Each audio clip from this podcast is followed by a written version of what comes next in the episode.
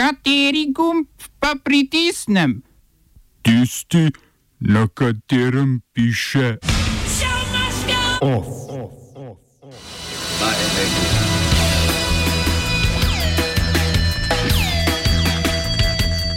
Grčija in Turčija zaostrujeta spor zaradi najdišč nafte in plina v Egejskem morju.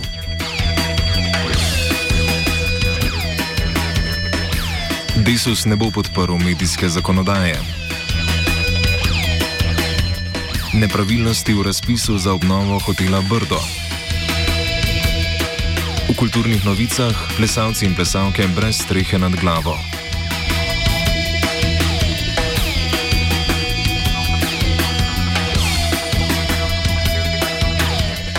Lep pozdrav v dnevno-informativnem programu Radia Student.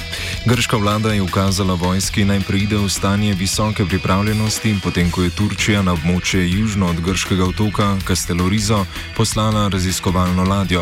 Območje se nahaja na jugu Egejskega morja v bližini turške obale, južno od otoka Castelorizo, ki se nahaja le 2 km od Turčije. Turška ladja naj bi raziskovala morsko dno med otokoma Castelorizo in Rodos, ki se nahaja dobrih 120 km vzhodneje. Obe državi zanimata predvsem nafta in zemljski plin, ki naj bi se nahajala pod morskim dnom. Turški predsednik Recep Tayyip Erdoğan je konec prejšnjega tedna napovedal nadaljevanje geoloških raziskav, potem ko so po njegovih besedah pogajanja zašla v slepo ulico. Na njegovo odločitev je verjetno vplivala tudi sklenitev dogovora med Grčijo in Egiptom o vzpostavitvi ekskluzivnih ekonomskih con, s katerimi naj bi si razdelila vzhodno sredozemsko morje. Ta dogovor ni upošteval upošteval mej, ki jih je zarisal podoben dogovor med Turčijo in Libijo, sklenjen tik pred koncem lanskega leta. Grčija zaradi nastale situacije zahteva izredno zasedanje zunanih ministrov Evropske unije, že včeraj pa je Atene v vlogi moderatorja med sprtima stranima obiskal generalni sekretar Zveze NATO Il Jens Stoltenberg.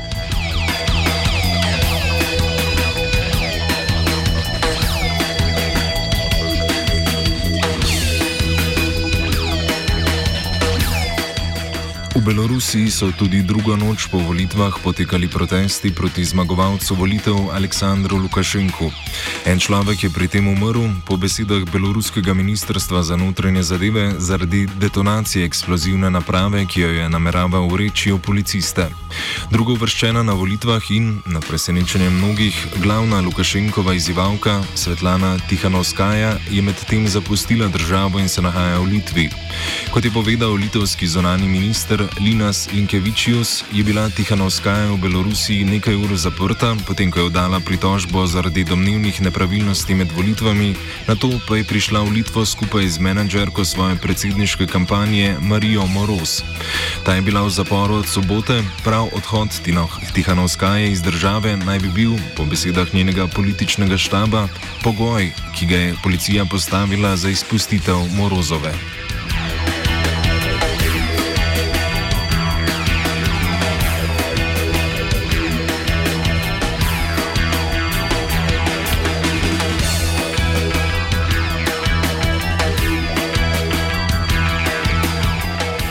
Na Tajskem so spet potekali protivladni protesti, ki se jih je odeležilo med 3 in 4 tisoč ljudi in ki so tokrat potekali na kampusu univerze Tamasat. Študentje niso kritični le do vlade premijeja Prajuta Čanoče, ki je na oblast prišel z vojaškim udarom proti premjerki Jinlang Šinavatri, ampak tudi do monarhije, predvsem do nepriljubljenega kralja Maho Vachirlunghorna.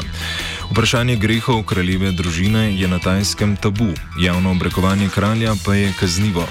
Protestniki poleg odstopa vlade, razpustitve parlamenta in novih volitev zahtevajo še konec policijske represije usmerjene proti protestnikom in spremembo ustave, ki je bila sprejeta leta 2017.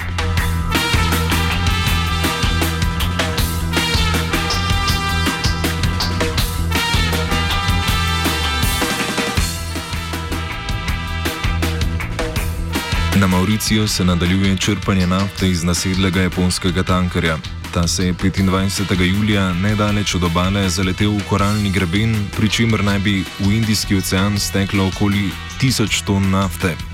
Spričo zavedanja, da se soočajo z morda najhujšo ekološko katastrofo v zgodovini Otoške republike, je vlada s premijem Pravindom Džugnotom na čelu v petek razglasila izredno stanje in na pomoč poklicala najbližjo sosedo Francijo, ki pripada bližnji otok Reunion. Še v zagonu humanitarnega neokolonializma v Libanonu je francoski predsednik Emmanuel Macron poslal na Maurici strokovnjake. A te vse bolj preganja čas, saj, kot je opozoril Džungnut, razpoki na ladji nakazujete na resno možnost preloma ladje, s čimer bi še preostala vsebina stekla v morje in trajno uničila ekosistem ter plaže otoka, katerega prebivalci se močno zanašajo na turizem.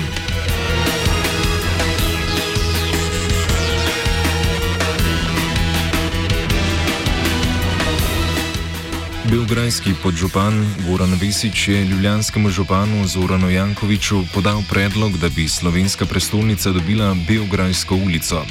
Vesič iz vrst vladajoče srpske napredne stranke, predsednika Aleksandra Vučiča, je nedavno razburil javnost, ko je napovedal preimenovanje ulic z nazivi krajev z območja bivše Jugoslavije, pri čemer je dejal, da gre za recipročen ukrep, čež da so drugod že dolgo tega izbrisali ime srpske prestolnice iz mestnih ulic.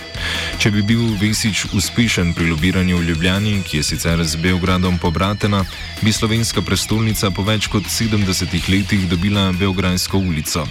Nekoč je namreč ta naziv nosila današnja Vojkova cesta. Oba, če, če bom odgovoril na angliški.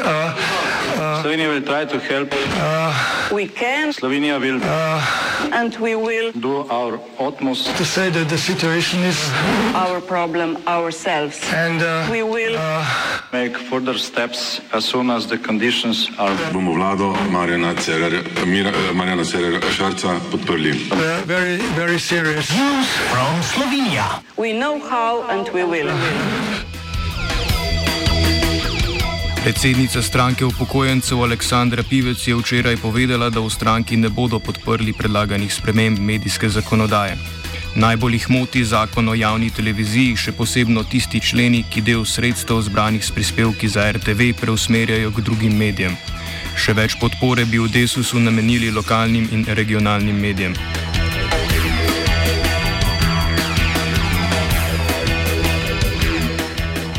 Novinarsko konferenco predsednice Desusa je sicer zasenčila izjava njenih poslancev, ki so enoglasno zahtevali odstop predsednice zaradi afere v zvezi z njenim bivanjem v izolskem hotelu. Poslanci namreč niso zadovoljni z njenimi pojasnili glede tega, kdo je plačal njeno bivanje na obali in jo očitajo, da je s svojim ravnanjem škodila slovesu stranke. Pivec je povedala, da je za njen odhod še prekmalu in da je kongres edini, ki lahko izbere novo vodstvo stranke. Za rovarjenje proti svojemu vodenju stranke je obtožila nekdanjega predsednika Desusa Karla Erjavca. Vseh pet Desusovih poslancev je sicer povedalo, da bodo, če predsednica ne odstopi sama, predlagali svetu stranke naj izreče nezaupnico, zagrozili pa so tudi z ustanovitvijo nove poslanske skupine.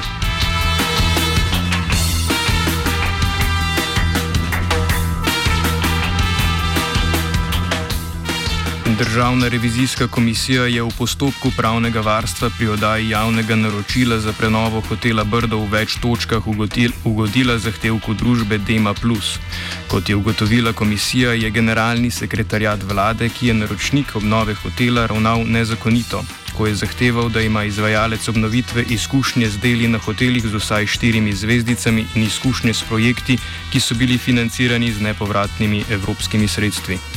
Prav tako je bila neutemeljena zahteva, da se pri gradnji upošteva gradbena regulacija, ki bo začela veljati šele leta 2022.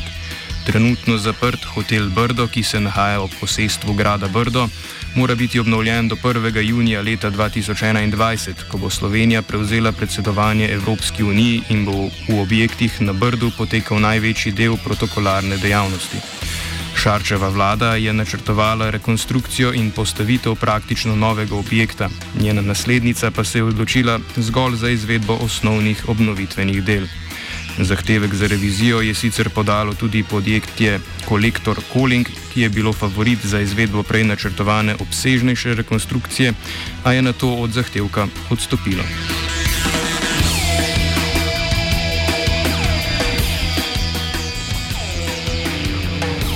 Ov sta pripravila Gal in Anton.